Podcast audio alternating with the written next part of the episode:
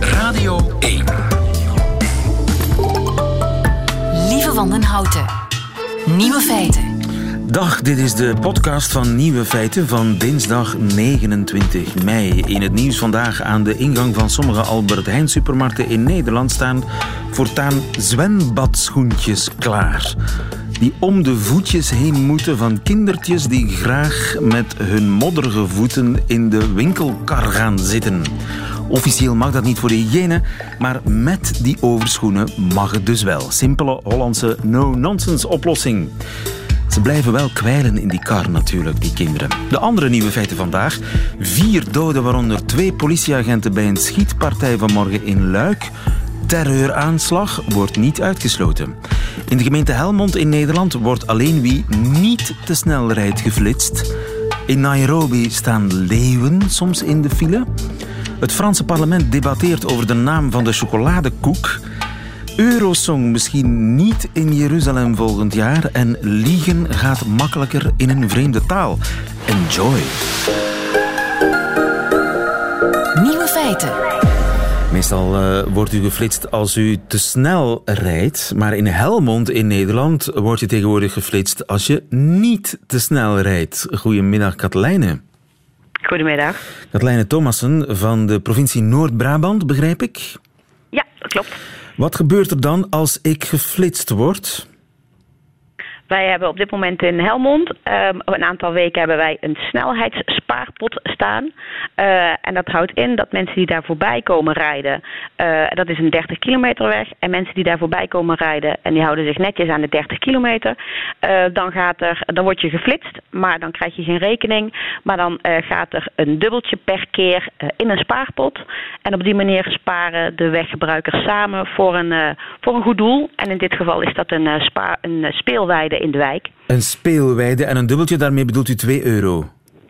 Nee, 10 cent, sorry. 10 cent, ja, ja, een dubbeltje is dat 10 cent. Oké, maar dus er gaat geld naar een kinderspeelplein in Ja, Helmond zelf. Op deze manier willen we inderdaad op een positieve manier mensen eh, bewegen om zich aan de snelheid te houden. Eh, en daarvoor hebben we dus inderdaad deze snelheidsmeter spaarpot eh, eh, ontwikkeld. Die kan op verschillende plekken in Brabant geplaatst worden. Nou, dit is de eerste keer inderdaad dat hij nu in Helmond is geplaatst. in een wijk. En de gemeente Helmond heeft samen met de bewoners van die wijk hebben zij gezocht naar een goede ehm, besteding waar dat ze dan samen voor zouden gaan sparen op een positieve manier. En er is nu in de afgelopen drie weken is er eh, 500 euro bij elkaar gespaard door allemaal mensen die zich eh, aan de snelheid hebben Door gehouden. iedereen die zich aan de snelheid en die wie dan toch te snel rijdt, is een asociale klootzak die kinderen geen speelplein gunt. Ehm, nou ja, zo zou je het uit kunnen leggen. Maar het gaat er vooral om dat wij op deze manier inderdaad op een positieve manier mensen willen bewegen om eh, zich eh, eh, aan de snelheid te houden. En ook op die manier inderdaad op een positieve manier willen proberen dat ze zich bewust zijn van hun eigen rol in het verkeer. En werkt het? Rijden de mensen nu minder snel in Helmond dan voordien, toen ze gewoon klassiek geflitst werden bij overdreven snelheid? Ja, ja inderdaad. Dus het werkt beter? Het werkt wel. Eh, eh, tijdens de meting in 2017 op deze plek, waar je dus inderdaad 30 km per uur mag rijden, reed 64% van de mensen die er voorbij reed, eh, reed te snel. En in de afgelopen drie weken, toen die, toen die snelheidsmeter spaarpot er stond, reed 42% van de mensen te hard.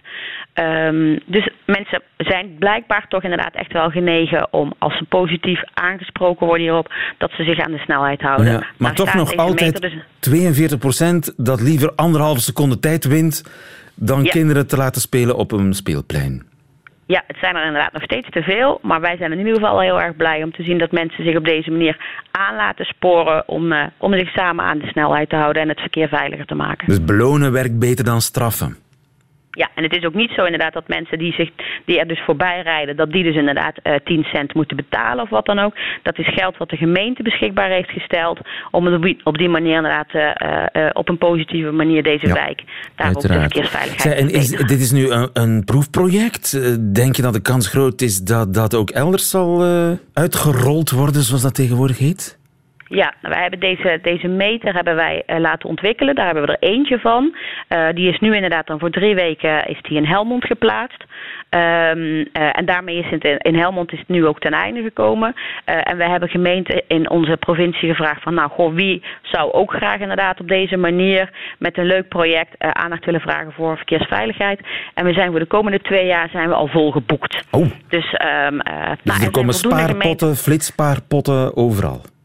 Nee, er komt in. Deze ene spaarpot wordt gewoon inderdaad de komende twee jaar in de rest van de provincie wordt die elke keer neergezet. Want hij staat er elke keer maar voor een korte periode. Mag ik u daar eh, heel veel succes mee wensen. Dankjewel Katlijne Thomassen. Goedemiddag. Graag gedaan. Dag. Nieuwe feiten. Vier doden met de dader erbij uh, in totaal. In Luik bij een uh, schietpartij vanmorgen. Uh, het federaal parket opent nu toch een terreuronderzoek, Filip Heijmans. Ik hoorde nogthans een, uh, Johnny van Zevenand in het nieuws van 12 zeggen dat het wellicht om een autodiefstal gaat die uit de hand gelopen is. Hoe zit het? Ja, uh, hoe het precies komt weten we niet, maar blijkbaar zijn er toch aanwijzingen die het federaal parket doen besluiten dat het bij die autodiefstal om terreur zou kunnen zijn gegaan. Dus het crisiscentrum ja, moet te maken hebben met dan de bredere context van wat er gebeurd is, maar wat precies de aanwijzingen zijn weten we niet. Het crisiscentrum centrum zei inderdaad, die man heeft probeer, geprobeerd een auto te stelen daar in het centrum van Luik. Heeft daarbij de vrouw die in de auto zat doodgeschoten. En is dan niet met die auto, maar blijkbaar te voet een school binnengegaan, waar hij een, een poetsvrouw, een schoonmaakster, een tijd lang heeft gegijzeld. Politie kwam ter plaatse. De man heeft dan twee agenten doodgeschoten, voor hij zelf is neergeschoten en intussen dus overleden aan zijn verwondingen. Uh, dat zou dan blijkbaar met terrorisme te maken hebben. Er zijn sommige bronnen die zeggen dat hij Allahu Akbar zou hebben geroepen. Allah is groot, maar dat is nog nergens bevestigd op dit ogenblik. Dus we weten nog niet zeker of dat inderdaad een aanwijzing is om, dat het om terrorisme zou gaan of dat dat verhaal niet zou kloppen. Filip Heijmans, dankjewel. Hou ons op de hoogte.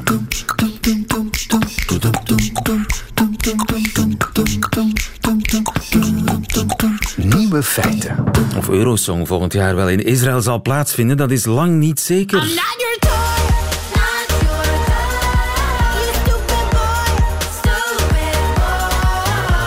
Netta won in Lissabon een paar weken geleden Eurosong voor Israël. En de traditie wil dat het winnende land dan het volgende festival organiseert. Maar er is een probleem. Goedemiddag, Richard. Goeiedag. Richard van de Krommert, Eurosongkenner en journalist voor de Telegraaf in uh, Nederland. Wat is eigenlijk het probleem? Nou, het probleem is, uh, is vooral dat een aantal landen bezwaar hebben gemaakt dat Israël direct na de winst van Netta Jeruzalem heeft aange aangegeven als uh, gaststad voor volgend jaar. En, en welke ehm, landen zijn dat? En het zijn, het zijn Ierland, Zweden en IJsland die, hebben, die, die dat niet prettig vinden. En, uh, aan de ene kant valt dat, valt dat te begrijpen, want niet iedereen is het over eens dat Jeruzalem de automatische hoofdstad van, van Israël is. En tegelijkertijd heeft Israël ook wel heel snel geschakeld. direct op tv al, iedereen heeft dat kunnen zien. na, de, na de zegen. Next year in Jerusalem, ja. Ja, precies. En vijf minuten later nam de premier Netanyahu het stokje over en zei van allemaal welkom in Jeruzalem volgend jaar. En nog vijf minuten later zei de burgemeester van Tel Aviv... van, uh, nou, in, in, in, in Tel Aviv hoef ik niet gehouden te worden, ik heb geen belangstelling. Nou, dat lijkt wel op een kokstoof van tevoren. Van als we winnen gaan we dat zeggen. En uh, Jeruzalem, en dat is natuurlijk een politieke boodschap... dat daar iets wordt gehouden. Ja. Dus ik snap wel dat er vraagtekens worden gezet. En boycott, ja, daar dreig je altijd mee. Maar we weten allemaal net zo goed... Hè, volgende maand is het wereldkampioenschap voetbal in Rusland... Toen dat bekend werd, dreigden ook een aantal landen met een boycott. Of werd er in ieder geval over gepraat. En iedereen die gekwalificeerd is, is gewoon afgereisd naar Rusland. Of tenminste, gaat ja, afreizen. Dus het kan zijn dat er alsnog een compromis wordt uitgedokterd. Tel Aviv bijvoorbeeld.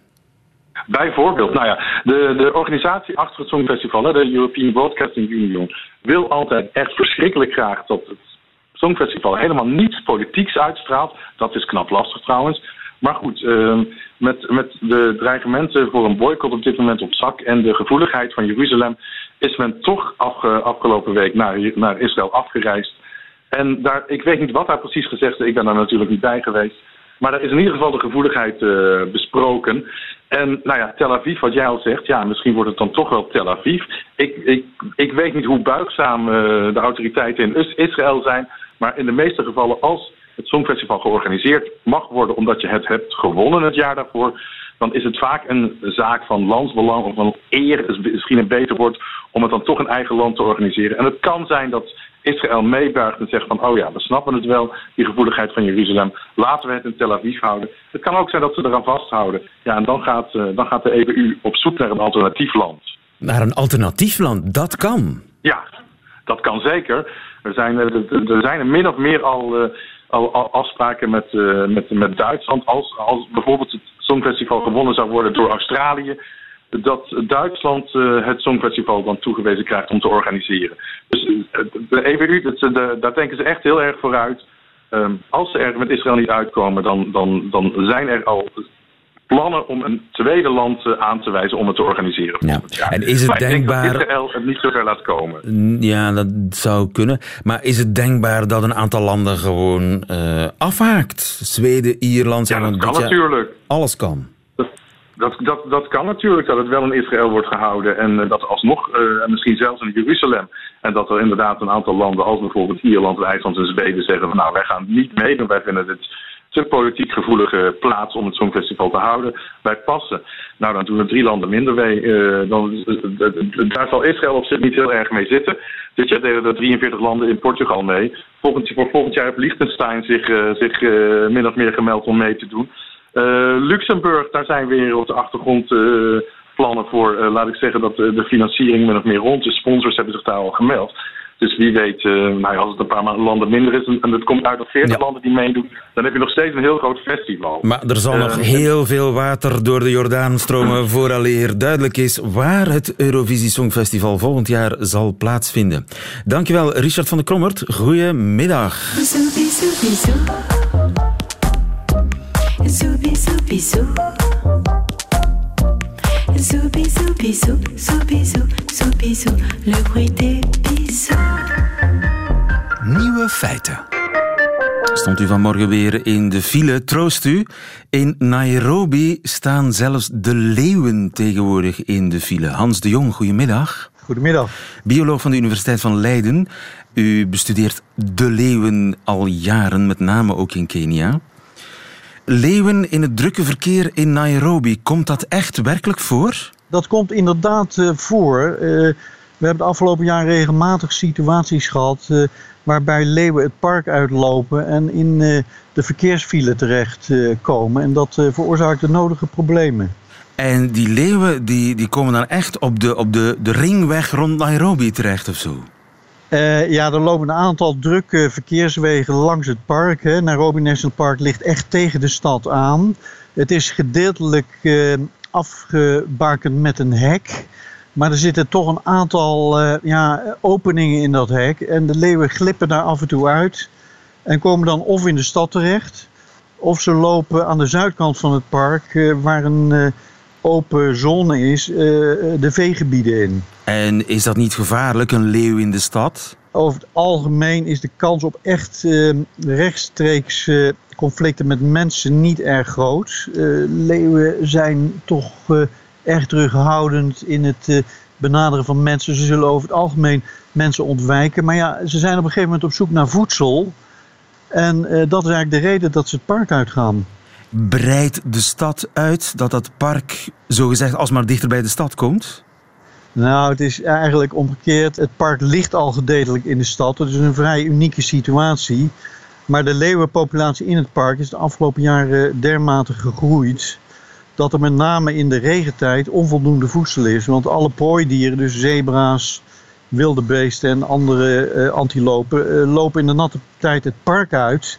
En dan is er onvoldoende voedsel voor de leeuwen. En die gaan dan op excursie, met name s'nachts, op zoek naar voedsel. Ah ja, er zijn dus meer leeuwen dan vroeger. Ja, het is heel duidelijk dat we hebben een nu onderzoek gedaan sinds 2012 in het park. Dus een periode van meer dan vijf jaar. En gedurende die periode is de populatie gegroeid van ongeveer rond de 30 leeuwen tot een veertigtal leeuwen momenteel. Maar dat is in dat wildpark. Maar over het algemeen, hoe gaat het met de leeuwenpopulatie? Ja, leeuwen in uh, Kenia staan onder zware druk de, door de enorme bevolkingsgroei en met name ook conflicten tussen veehouders en leeuwen. Er worden ook regelmatig eh, leeuwen gedood, met name door Maasai-veehouders. de schatting is dat er sinds 2000, jaar 2000 van de ongeveer 3000 leeuwen nog maar 2000 over zijn in Kenia. Dus in de in zijn algemeenheid gaat het niet goed met de leeuwen in Kenia. En het zijn met name de boeren die kwaad zijn op de leeuwen, omdat die leeuwen alsmaar driester zijn in hun zoektocht naar voedsel en het vee van die boeren beginnen op te peuzelen. Ja, dat klopt. En dat is met name in de regentijd, zoals ik aangaf. Want in principe is er voldoende voedsel, maar uh, veel van de prooidieren uh, vertonen migratie. vroeger liepen de leeuwen daar gewoon achteraan. Maar omdat er nu allemaal veegebieden zijn, komen ze dan toch in contact met uh, veeboeren en ontstaan er dan conflicten. En kunnen die boeren zich niet op de een of andere manier beveiligen tegen hongerige leeuwen, zonder ze te moeten afknallen? Er is van alles gedaan, moet ik zeggen. Er wordt veel geld in geïnvesteerd. Recent jaren hebben ze ook bijvoorbeeld ook boma's. Dat zijn omheinde ruimtes waar het vee s'nachts gehouden wordt. Met lichten uitgerust, met flikkerende lichten. En dat schijnt uh, zeker te helpen. Alleen de leeuwen passen zich dan weer aan, gaan verder van het park en uh, zoeken dan boma's op zonder die flikkerlichten. Dus het probleem is nog lang niet opgelost? Nee, het probleem is nog lang niet opgelost en het zal denk ik ook wel een worsteling blijven. Ik denk zelf dat uh, de Keniaanse Kenia Wildlife Service toch naar een situatie toe moet waarbij ze het aantal leeuwen in het park eh, beperken. Want door de groei van die populatie ontstaan er toch eh, problemen. Dat is dan de situatie in het park. Maar ik hoor u zeggen dat over de voorbije tien jaar het aantal leeuwen in Kenia toch drastisch is verminderd. Als dat zo doorgaat, ontstaat er een gevaar op uitroeiing.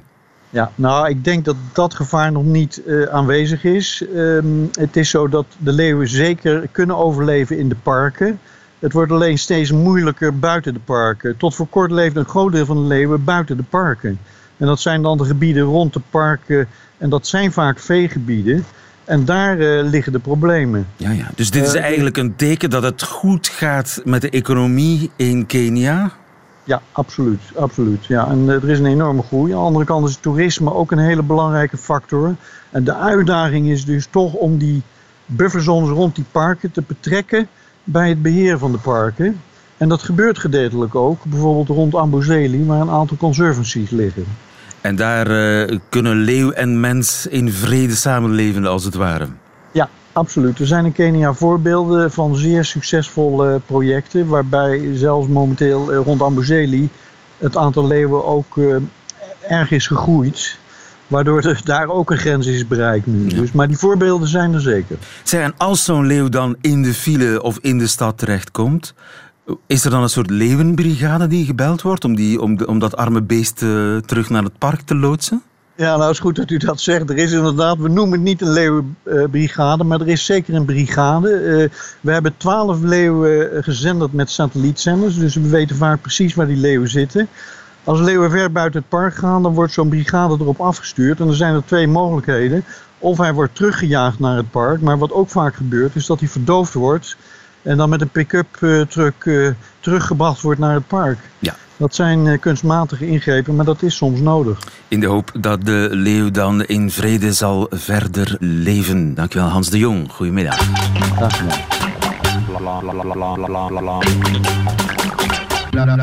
Nieuwe feiten. Het is nauwelijks te geloven, maar in Frankrijk heeft het parlement zich gebogen over de chocoladekoek. Met name over de juiste naam voor die chocoladekoek. Goedemiddag, Stefan de Vries. Goeiedag, lieven. Ons man in Parijs, het parlement, Stefan. Hoe kan dat? Ja, ongelooflijk lief. En dat geeft wel aan dat alles wat hier met eten te maken heeft in Frankrijk is een serieuze kwestie.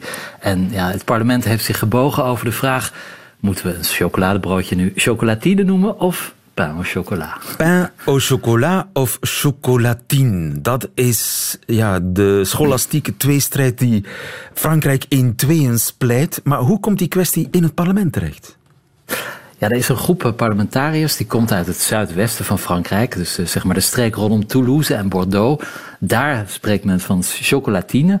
Uh, dus die groep die zit in het parlement. En die wil de, de chocolatine onder de aandacht brengen. en ook ja, culinaire erkenning voor dit, voor dit hoogtepunt in de Franse, aan de Franse ontbijttafel. Um, het de grootste deel van het land gebruikt pain au chocolat. Dus het was een harde strijd die ze uiteindelijk niet hebben gewonnen. Eh, het parlement eh, heeft het amendement van de groep ehm, ja, verworpen. Eh, dus dat betekent dat de strijd nog even doorgaat. Ja, of dat de discussie gesloten is. Dat kan het ook betekenen. Nou, dat denk ik niet. Want als je, het is een, een, echt een kwestie die Fransen heel gepassioneerd bezighouden. Als je, als je in het zuiden van Frankrijk ontbijt en je bestelt een chocola, uh, dan kijken ze je echt boos aan, want je moet een chocolatine bestellen. Dus het is een serieuze kwestie. Maar waarom ligt dat zo gevoelig? Bij tafel. Ja, ik denk dat het een kwestie is van regionale identiteit. Um, het, woord chocolatine wordt vooral gebruikt in de streek um, in Gascogne, dus rondom Bordeaux. Dat is ook de streek waar uh, D'Artagnan vandaan kwam, de, de, de musketier van de beroemde drie musketiers. Uh, en die mensen zijn bekend om een wat koppige en eigen gereide karakter. En ja, met een erkenning, een parlementaire erkenning voor de chocolatine, wilden ze hun eigen identiteit um, ja, een, een plek geven. Want het is natuurlijk ook een strijd tegen de arrogante Parijzenaars. Zo wordt het ook een beetje gezien. Want in Parijs heeft iedereen het over een pain au chocolat. En ja, wat in Parijs gezegd wordt, dat wordt vaak door de rest van het land overgenomen. Maar dus niet in het zuidwesten. Dus het is een klein stukje ja, verzet. Ja, die Parisiens, die snobs, die gaan ons niet komen vertellen hoe wij onze chocolatine moeten noemen. Precies. Ja, dat is het eigenlijk. Maar he, hebben ze in ja. Bordeaux de, de chocolatine dan uitgevonden? Hoe komen ze aan die naam? Nou ja, dat is een oud uh, regionaal gebruik. Maar het grappige is eigenlijk dat een, een, een paar chocola, maar ook een croissant... dat valt in Frankrijk allemaal onder de viennoiserie. Oftewel de patisserie zouden we in Vlaanderen zeggen. Viennoiserie, uh, ik hoor daar Vienne in Wenen. Absoluut. En sterker nog, dus dat is uitgevonden in Wenen. En al die lekkernijen zijn overgebracht door Marie Antoinette... toen zij in Frankrijk kwam wonen, want ze kwam natuurlijk uit Oostenrijk. Maar sterker nog, daarvoor kwam de croissant en ook dus het pain au chocolat eigenlijk uit Turkije. En, en, via Wenen is het dus naar Parijs gegaan. Dus de, de Les Républicains, de rechtse partij die nu de Franse identiteit zo ver, ver, ver, ja, wil verdedigen, of eigenlijk de, de zuidwestelijke identiteit, wat ze eigenlijk doen, is een Turks chocoladebroodje verdedigen. Ja, ze dus vervalsen ja, een beetje de geschiedenis. Zij denken van het is eigenlijk onze chocolatine, maar het is helemaal niet hun chocolatine. Nee, helemaal niet. En dat zie je wel vaker in het parlement. Dat, dat de Franse uh, parlementariërs die, die willen graag dit soort symbolen behouden. En als je dan gaat kijken wat er echt achter zit, dan is het helemaal niet Frans. Maar ja, een ander voordeel is dat we hebben het nu over die parlementariërs. Les Républicains, dat is de oude partij van Sarkozy, uh, die zitten in de oppositie, hebben het heel moeilijk. Uh, vooral door de overmacht van Emmanuel Macrons partij. Dus met dit soort acties, ja, komen ze weer in de media. En dat is natuurlijk wat ze willen. En wij hebben het er nu ook over. Ja, bij deze is het gelukt. De Belgen hebben uh, Brussel halve Vilvoorde. De Fransen hebben uh, chocolatine. Een chocolatine of uh, een pain chocolat. Pain au chocolat. Wij zeggen natuurlijk coco chocolat in België opgelost. Compromis. Radio 1. Nieuwe feiten. Mensen die niet hun eigen taal spreken, die liegen makkelijker. Goedemiddag, Evie Wouwmans. Goedemiddag. Psycholoog aan de Unie van Gent. Uh, uw collega's van de Universiteit van Würzburg in Duitsland die hebben een heel boeiend experiment gedaan waarbij mensen op bevel moesten liegen. Ja, dat klopt, inderdaad. En wat blijkt daaruit? Wel, uh, het blijkt dat uh, liegen in een vreemde taal dus niet je moedertaal, makkelijker zou zijn dan liegen in je moedertaal. Dus in het Duits, hun moedertaal, ging dat liegen net iets minder vlot dan in een vreemde taal. Ja, en die was het Engels. En hebben we enig idee waarom? Wel, uh, in een vreemde taal zou je emoties minder sterk verwerken dan in je moedertaal. En daarom zouden, zou liegen makkelijker zijn. Ah ja, dus je hebt minder emoties als je in een vreemde taal spreekt. Ja, klopt. We zien dat bij uh, de verwerking van taboewoorden ook bijvoorbeeld, dat dat minder um, huidreactie opwekt dan uh, wanneer je die in je vreemde taal leest dan wanneer je die in de moedertaal leest. Taboewoorden die anders allerlei emoties loswekken, Ja, in een klopt. vreemde taal sta je daar afstandelijker tegenover. Ook al weet je wat het Ja. betekent, het voelt anders. Het voelt inderdaad anders. En mogelijk is dat omdat je die pas op latere leeftijd hebt eh, aangeleerd, terwijl dat je bij je moedertaal de emotie zelf die daarbij gepaard gaat, tegelijkertijd hebt aangeleerd met de taal. Dus ik kan makkelijker liegen in het, in het Frans en in het Engels dan in het Nederlands. Dat zou in principe ja, het eh, zo zijn, ja. En zou het daarom zijn dat ik Didier Reiners niet geloof? Vaak. Ehm, als die Reinders in het Nederlands spreekt, dan bedoel je? Ja, Dat zou eh, mogelijk zijn, maar dat kan natuurlijk ook al allerlei andere redenen hebben. maar ik, ik, ik- het klinkt als een grap, maar ik bedoel het eigenlijk serieus. Ik vind, als ik Elio Di Rupo in het Frans hoor, ja, dan klinkt hij veel betrouwbaarder en bekwamer. En nu kun je Ja. zeggen, zijn Nederlands is niet zo goed als dat van Paul Magnet bijvoorbeeld, maar ik vind Paul Magnet in het Frans ook geloofwaardiger. Ja, maar dat is natuurlijk jouw perceptie. En hier gaat het eigenlijk meer om het liegen voor de persoon zelf. Ja, maar als iemand in een vreemde taal makkelijker liegt, dan is hij misschien in een vreemde taal ook minder betrouwbaar voor degene die ernaar luistert. Omdat hij eigenlijk stiekem weet dat de ander makkelijker leugens vertelt in een vreemde taal. Ja, maar dat is nu nog niet zo erg bewezen. Dat is niet wat het artikel eigenlijk eh stelt. Maar het zou een verklaring eigenlijk- daarvoor kunnen zijn. Het zou inderdaad een verklaring kunnen zijn. Ja, en het zou misschien een reden zijn om in de Belgische politiek iedereen zijn eigen taal te laten spreken. Wel, het zou in- in elk geval eh, makkelijker zijn, zodat die mensen niet zo makkelijk zouden liegen. Chacun sa langue in de Belgische politiek. Misschien is dat wel een, eh, een ideetje. Dankjewel, Evie Wammans. Goedemiddag. Ja, graag gedaan. Radio 1. Nieuwe feiten.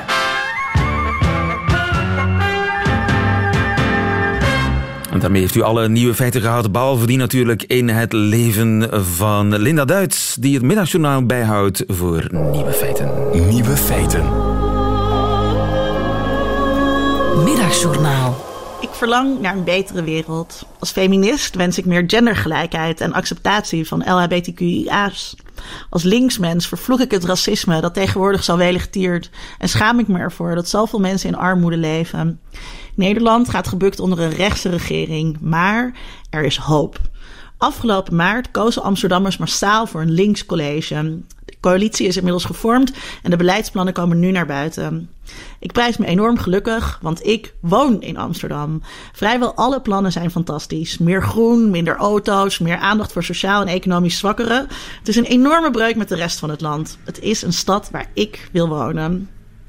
In 1976 schreef de Nederlandse feminist Joke Smit een lied waarin zij haar verlangen naar een betere wereld uitsprak. Er is een land waar vrouwen willen wonen, heet het. En die zin komt steeds terug. Ik laat u een stukje horen, in uitvoering van Kobi Schreier en Cor Haar. Waar moeder niet hetzelfde is als huisvrouw. Waar steeds opnieuw wordt nagegaan wie zwak zijn en wie sterk. Waar allen zorgen voor wie hulp behoeven. En het brood verdienen met maar vijf uur werk. Joke Smit, helaas overleden 1981, had graag in het nieuwe Amsterdam willen wonen. Onderdeel van het coalitieakkoord is namelijk een experiment met een zesurige werkdag. Nog steeds een uur meer dan wat Smit bezong, maar toch een stap in de goede richting. Een standaard werkdag duurt nu immers acht uur en voor veel mensen langer. Men denkt namelijk dat je dan meer doet. De vijfurige werkdag was een ideaal van man-vrouw maatschappij, opgericht in 1968 door onder andere diezelfde Joke Smit. Zij zagen veel voordelen. Er kunnen dan meer mensen deelnemen aan het arbeidsproces en er werd begonnen met de herverdeling van prettig en onaangenaam werk. Want veel vervelende arbeid, die nog steeds vooral door vrouwen wordt gedaan, stofzuigen, de was doen, boodschappen halen, wordt niet erkend als officieel werk. Dankzij een vijfurige werkdag kunnen kinderen evenwichtiger opgroeien, schreef Man-Vrouw Maatschappij. De verbintenissen tussen mensen worden beter, want partners in een gelijke positie begrijpen elkaar beter. Vrijheid en gelijkheid worden eerlijker verdeeld. 50 jaar na de oprichting van Man-Vrouw Maatschappij wordt er eindelijk serieus gekeken naar deze oplossing. In de stad waaraan ik mijn hart al voor altijd had verpand. Nu de rest van de EU nog. Want een betere wereld deel je. Of, zoals Joke Smit het schreef, het land waar mensen willen wonen is het land waar de saamhorigheid bestaat.